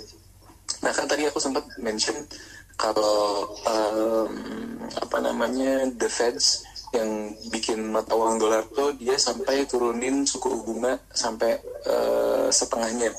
Nah itu kan artinya karena memang supaya uh, orang uh, meminjam uang supaya dia bisa nge-support kegiatan ekonominya. Misalnya yang tadinya modalnya cuma um, apa namanya 10 misalnya 10 ribu tapi bayar bunganya 1000. Nah kemudian setelah dia uh, motong bunganya sampai setengah dia cuma harus bayar bunga 500 akhirnya kan dia bisa punya banyak modal tuh. Nah punya banyak modal itu kan akhirnya dia produksi lah macam-macam. Mungkin kita yang depan mata kayak kelihatannya masker nih harganya makin tinggi sampai habis. Jangan lupakan juga. Ini kan konsep ekonomi bahkan dari SMP selain dari kebutuhan primer sekunder jangan lupa ada namanya komplementer atau substitusi jadi kalau misalnya ada masker ada apa?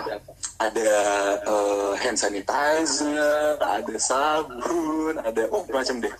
Nah dan uh, ternyata memang setelah uh, uh, Federal Reserve yang um, bank sentral yang bikin dolar ini me, me, me, memotong uh, suku bunganya jadi setengah itu uh, indeks Dow Jones Dow Jones itu kayak uh, salah satu indeks di mana ada 30 perusahaan besar di dunia gitu. Salah satunya apa coba?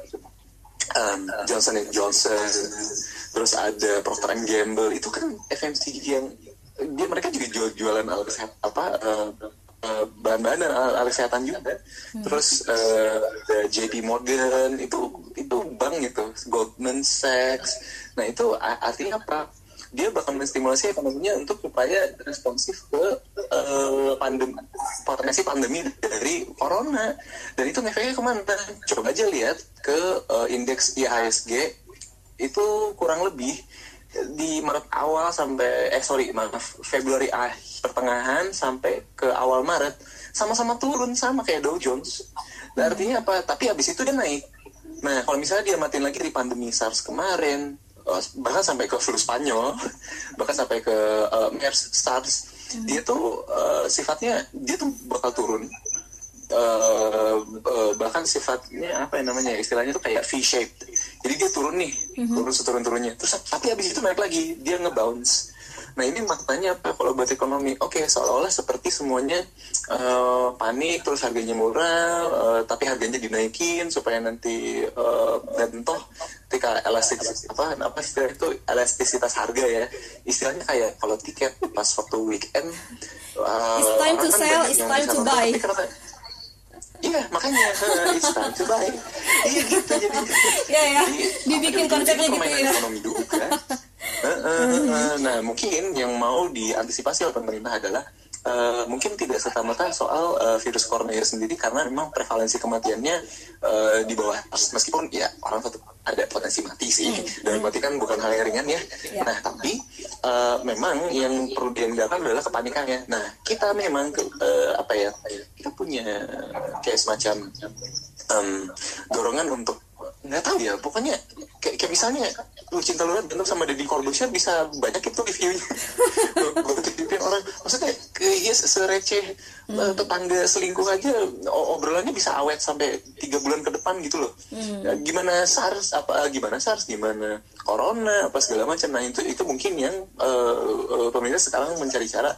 Kalau aku sendiri ngeliatnya sebagai eh, apa namanya kalau misalnya pakai model psikoanalisis jadi jadi seolah di iya dikondisikan kayak oke lah corona bahaya Uh, I know but I think I don't want to care too much Iya. Ya, Nah, ya. mau dibuat seperti itu gitu De- de- dengan memberikan gesture-gesture misalnya eh, yang terjadi corona sampai dipakein apa eh, polis lain eh, emang dia nyolong nyolong ayam tetangga siapa maksudnya kenapa harus dari Ini kayak kriminal ya nggak sih? Iya makanya. Nah tapi mungkin makna sebenarnya di balik itu adalah bisa jadi lebih ke oh ternyata seserius ini ya pemerintah ya. Padahal nggak ada relevansinya apa coba. Tapi karena sudah memberikan impresi seperti itu eh, dengan masyarakat kita yang ah kembali lagi ke tadi kan darurat literasi ya sebenarnya ketika darurat literasi kan masa harus eh, eh, ini, ini dulu belajar belajar calisung dulu baru mereka ngerti oh iya corona ini apa ya udah keburu sebar dulu virusnya Tapi eh, cara cara Ini, instan tapi kalian percaya nggak sih? gitu Hah? Hmm, tapi kalian percaya, tapi kalian percaya nggak sih kalau misalkan uh, virus corona ini gitu ya, yang bikin heboh semua warga dunia itu karena uh, dia kan masih satu keluarga dengan SARS gitu ya. Cuman kan uh, mungkin ya kalian uh, percaya atau enggak gitu uh, virus corona ini uh, tingkat uh, in, in apa infection intensity-nya itu udah masuk ke tahap severe gitu, udah masuk ke tahap uh, uh, berbahaya banget gitu kan, yang udah bahkan di beberapa negara di dunia itu udah mewaspadai hal ini jauh-jauh hari gitu sampai menutup pelabuhan, menutup uh, bandar udara gitu dan segala macam gitu. Dan ini juga yang menyebabkan mereka-mereka yang mungkin uh, belum mengerti banyak tentang hal ini gitu. Kayak ngerasa wah ini bahaya banget nih buat gue kalau gue kena gitu kan. Ya gue takut nih gitu. Kayak gitu. Nah menurut kalian kalian percaya nggak sih kalau hal-hal yang seperti ini tuh jadi faktor utama gitu orang-orang uh, melakukan panik buying atau ya semacam itu gitu?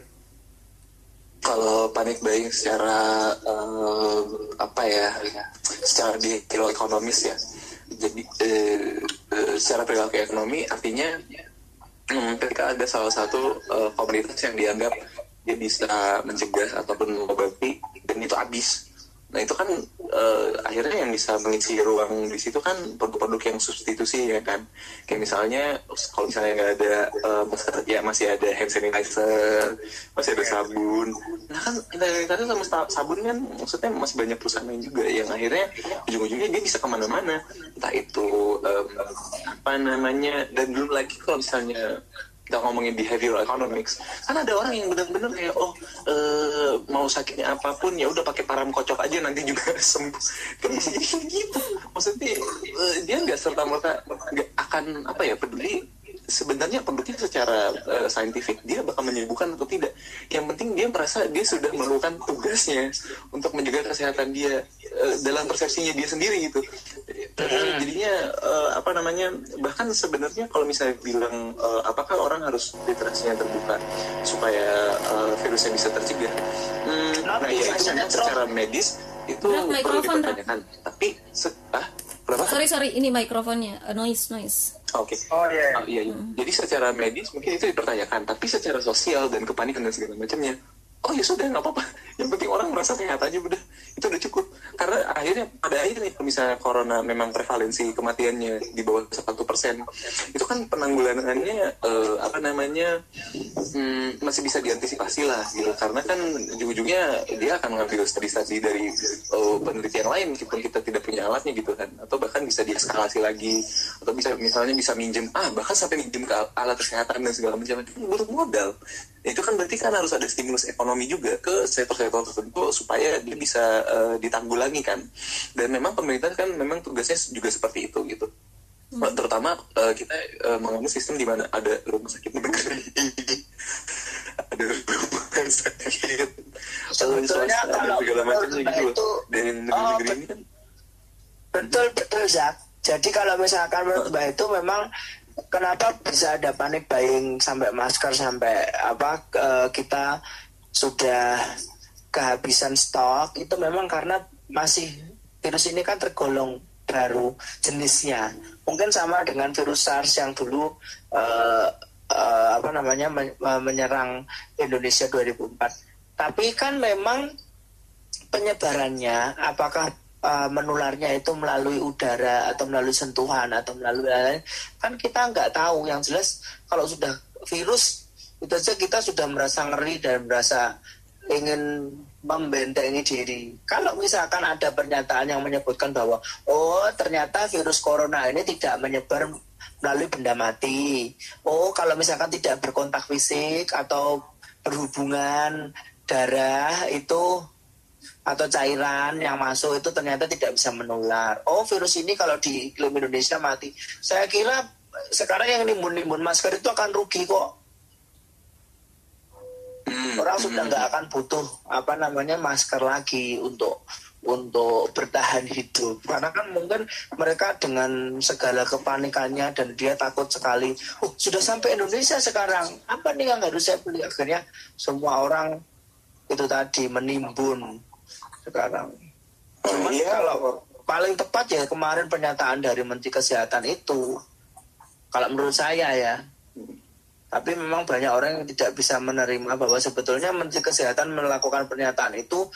Kalau menurut saya justru dia itu orang yang yang ahli di bidang itu ya menurut karena saya mungkin loh. juga peran media juga ya mbah ya kadang-kadang nih ya eh, ya melintir gitu jadi eh, sering kali Iya. sering kali eh, statement misalnya dipotong atau dipelintir atau di eh, di digeser maknanya kira-kira kayak gitu. Sehingga eh, masyarakat sebagai audiens gitu yang dengernya jadinya wah kok kayak gini ya? Kok kayak gitu?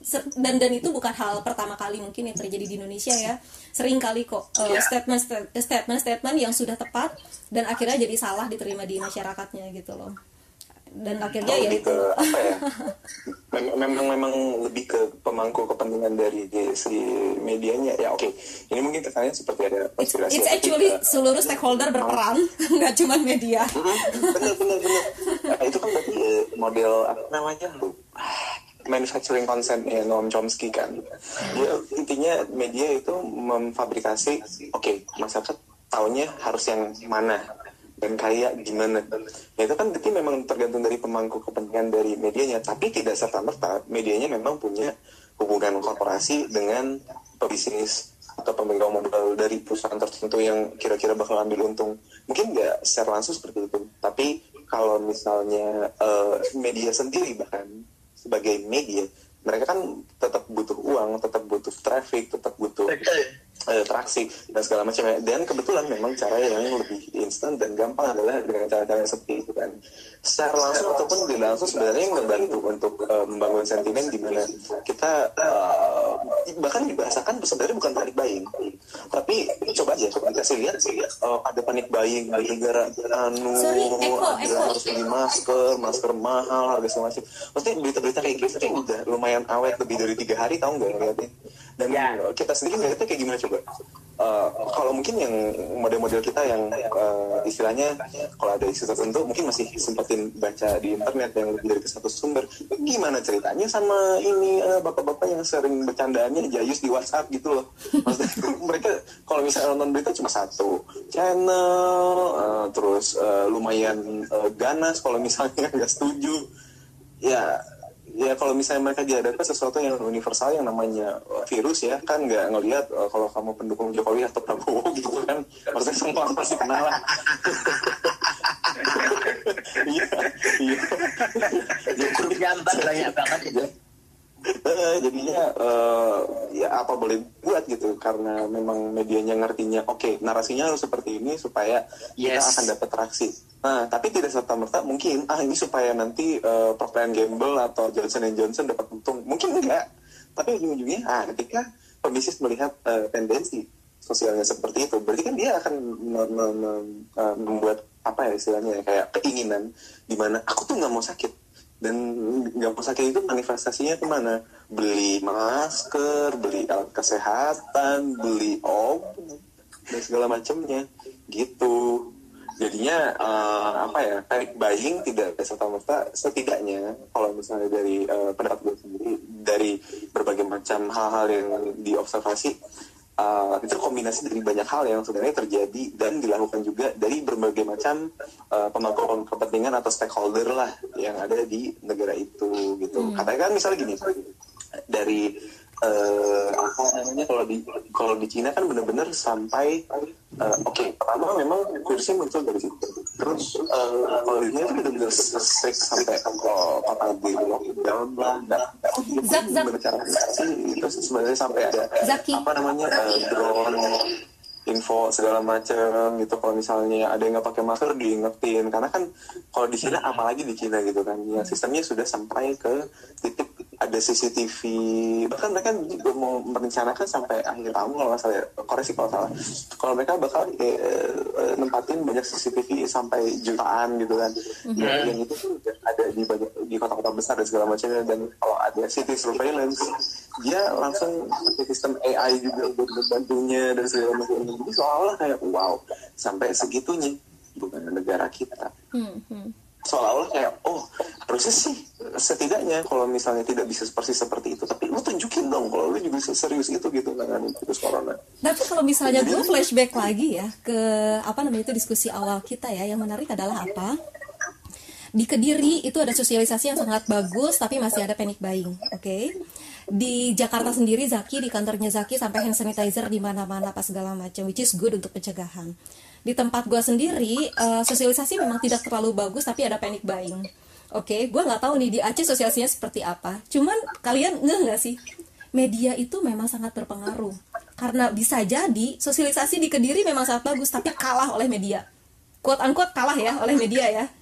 Maksudnya adalah pemberitaan jauh lebih hebat sehingga tetap membuat kepanikan bagi masyarakat.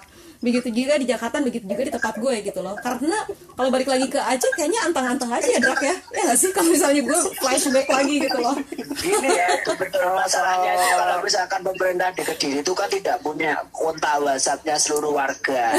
Jadi kalau misalkan untuk untuk sebetulnya untuk peran apa namanya media lokal dengan WhatsApp itu lebih cepat WhatsApp WhatsApp itu dalam waktu beberapa detik itu sudah tersebar seluruh warga Kediri.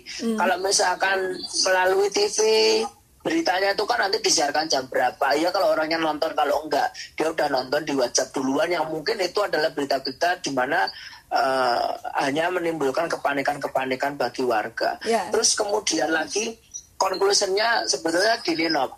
Eh, kalau misalkan kita terlalu ngomongkan yang sifatnya makro artinya itu kan bukan eh, sebetulnya itu bukan kapasitasnya Mbah ya untuk ngomongkan itu. Tapi kalau misalkan kita ngomongkan apa sih langkah-langkah yang sekarang harus kita lakukan eh, untuk eh, sekarang fenomena corona yang sudah sangat luar biasa di masyarakat ini ya ya kalau menurut menurut Mbah sendiri sekarang yang perlu kita lakukan ya kita jangan menari di atas penderitaan orang. Artinya kalau orang-orang lain nimbun ya sudah kita nggak usah. Ya orang-orang yang sorry. nimbun itu Ya, ya lanjut lanjut mbak. kalau orang-orang yang lain ya sudah biarkan biarkan saja. Oke. Yang kedua, kita melihat fenomena ini dari beberapa sektor tidak hanya dari segi kesehatan saja. Mungkin langkah pencegahan yang sudah disosialisasikan oleh dinas kesehatan di eh, tempat masing-masing atau misalkan kita lihat di internet atau di mana-mana yaitu kita terapkan saja.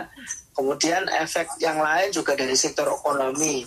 Seperti sekarang ini banyak investor yang mengalihkan apa namanya eh, eh, investasinya itu tidak di sektor-sektor yang berhubungan dengan virus corona ini.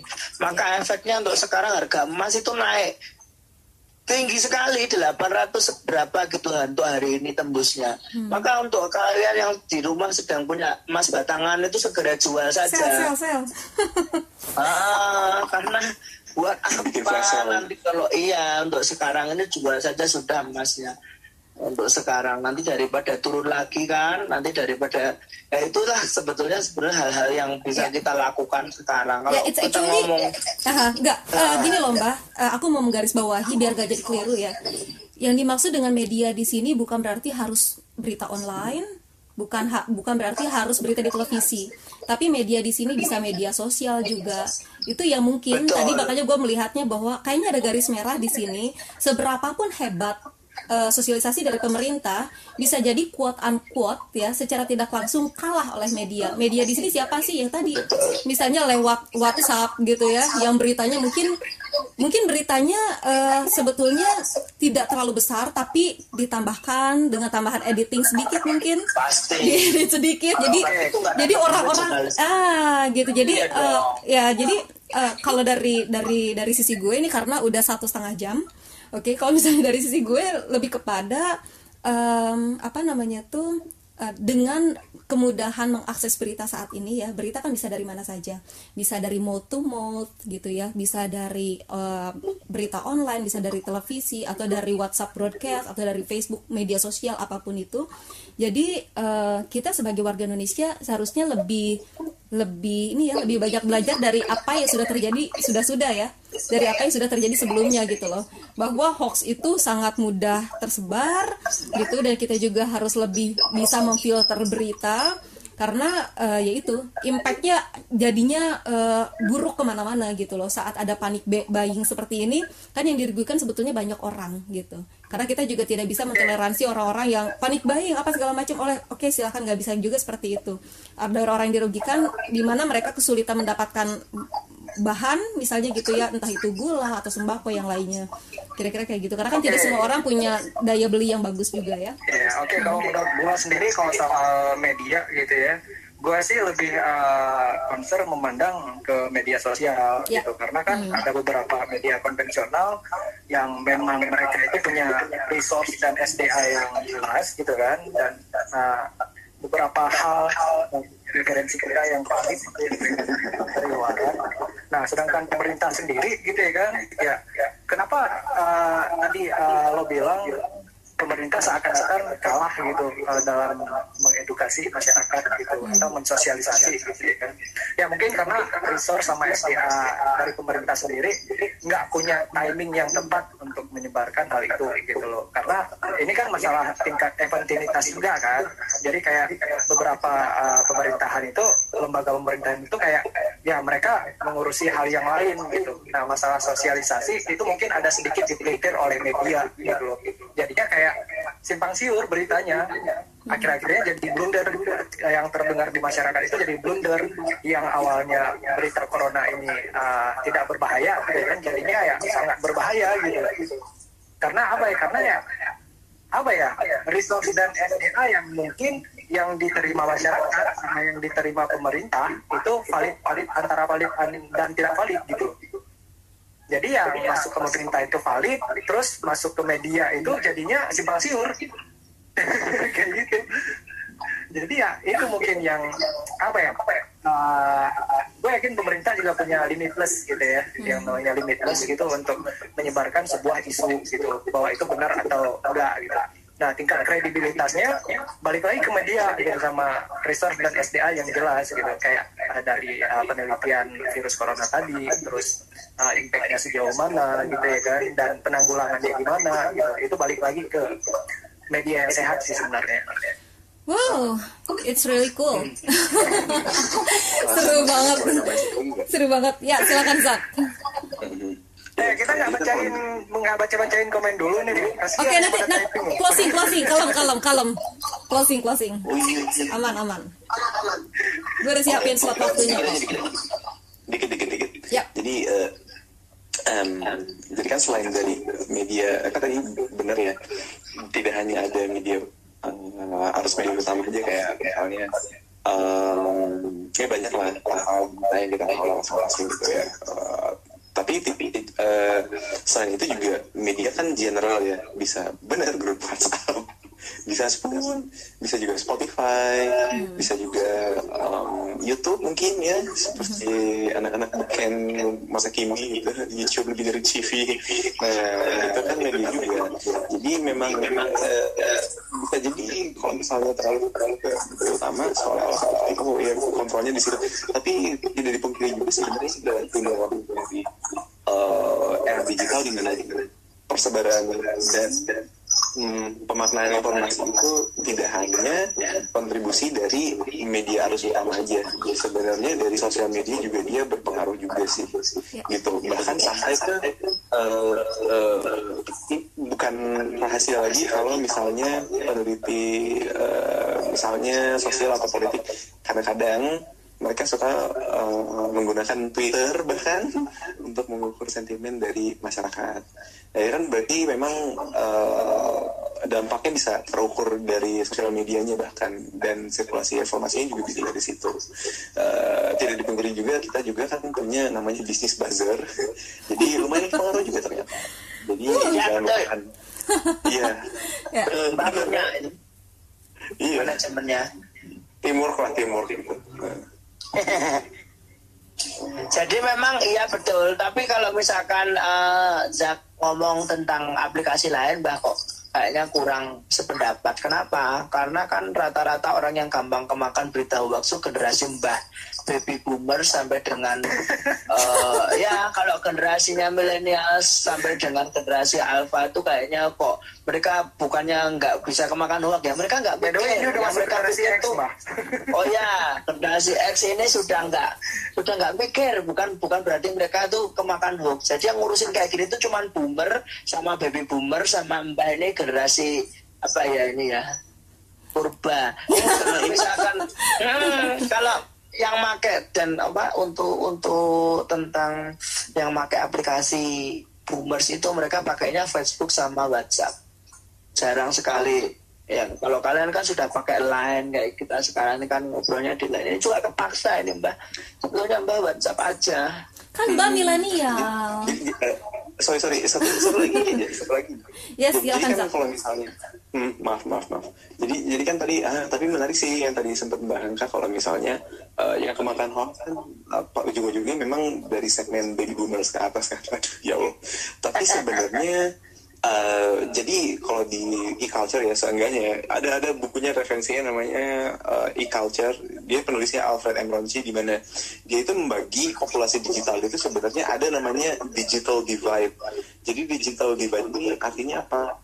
Nah ah, bisa jadi ada populasi yang tetap memakai teknologi tapi mereka mengartikan teknologi informasi arus yang masuk itu akan berbeda kalau misalnya mereka punya tingkat ekonomi yang berbeda, eh, eh, pola hidup yang berbeda dan segala macamnya. Jadi eh, eh, perlu dipungkiri juga eh, apa ya tidak bisa dipungkiri juga kalau misalnya meskipun dari laporan terakhir APJJI yang udah berkali-kali gue kutip di siarannya Teknovi gitu ya di 2019 di mana ada sekitar 154 pengguna internet di Indonesia tapi eh, kelas menengahnya kan hanya ada di kota-kota besar yang notabene bisa jadi eh, tidak sampai setengah dari 150 jutanya kan.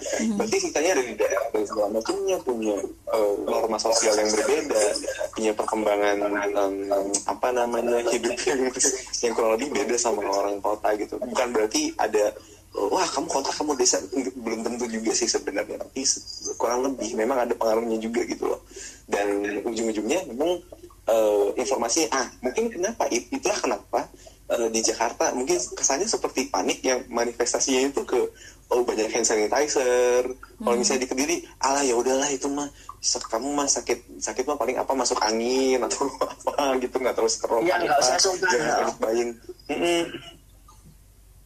gitu Yep. Oke, so um, apa namanya tuh sebelum kita closing statement ya, karena ini kayak kita tinggal 15 menit lagi, kita bakalan absen dulu. Oke. Ada siapa aja yang masih mentengin uh, channel kita? Gue nggak nyebut channel gue ya, karena uh, ini bakalan jadi channel kita bersama malam ini. So here we are. Di sini masih ada gue, Zaki, Drako, dan juga Mbah Bagong yang lagi ngoceh bareng dan kita ngebahas soal fenomena corona yang sekarang uh, menjangkiti negara kita Indonesia. Dan di sini masih ada Baron, Positif Gram, Handika Boim, Prima, Kurpik, ada Feyu, ada Ayesha, ada Drama Is, dan juga udah. wow, uh, we actually reading your text ya dari tadi komen-komen kalian kita bacain semua gitu itu kenapa dari tadi kita uh, obrolannya nyambung terus? Karena ada guidance dari kalian semua. So thanks a lot buat semua listeners yang ada di sini. Dan ya sebelum kita tutup ya uh, ocehan kita malam ini soal fe uh, fenomena corona. Dan sekali lagi uh, tolong jangan pernah mendengar setengah ya karena kalau misalnya mendengar setengah nanti konklusinya jadi berbeda gitu loh. Di awal uh, kita banyak ambil uh, perspektif uh, A B C D gitu ya. Banyak sekali sudut pandang yang kita lihat gitu loh.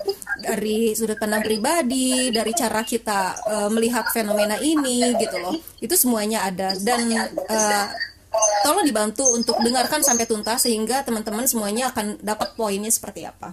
So uh, your closing statement dari siapa dulu ya Mbah Bagong dulu deh silahkan Mbah Oke, sepertinya sangat bijaksana dimulai dari yang paling tidak bermutu. Jadi begini, uh, untuk apa saya tahu. Kan sopan sama Mbah. Oh, Allah, alasanmu saja itu. Jadi kalau misalkan kita melihat uh, fenomena corona di Indonesia hmm. yang sekarang mungkin kita sangat optimis sekali untuk menghadapi uh, ini. Hmm. Jadi uh, sebetulnya Indonesia itu sudah sangat siap menghadapi virus corona seperti yang sudah dikatakan oleh pemerintah. Maka yang perlu kita lakukan adalah melakukan tindakan uh, preventif di lingkungan kita sendiri saja. Misalkan ada hal-hal yang mungkin ber apa ya istilahnya berpotensi untuk penyebaran, mm-hmm. ya kita melakukan tindakan preventif dan juga uh, kita tidak perlu panik lah kalau untuk masalah virus corona ini karena memang ada banyak virus-virus lain dan juga penagih-penagih hutang yang lebih seram daripada virus corona ini. Sebetulnya kalau kita melakukan apa yang dibilang oleh pemerintah ya kita akan baik-baik saja gitu deh kalau menurut Mbak kan nggak mutu kan. Thanks a lot Mbak Bagong. Uh, selanjutnya, uh, Drak, gimana? Your closing statement?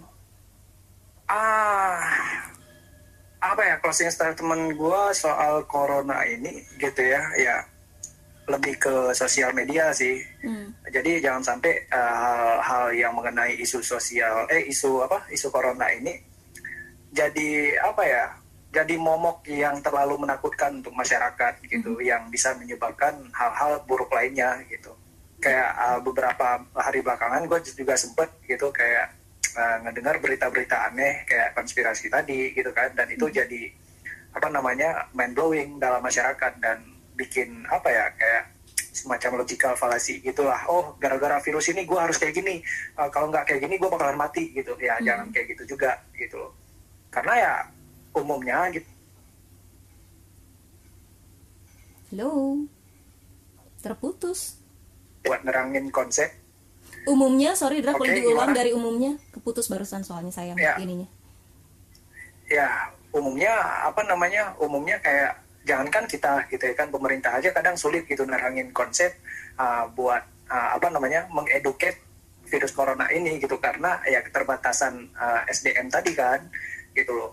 Dan ya kita juga ikut juga membantu gitu loh. Kayak kita memberitahu orang-orang yang belum tahu soal ini gitu. Ya cara pencegahan kita mungkin kayak gitu bisa lebih apa ya lebih membangkitkan awareness lah gitu untuk orang-orang yang belum tahu cool. itu aja sih Zak gimana Zak your closing statement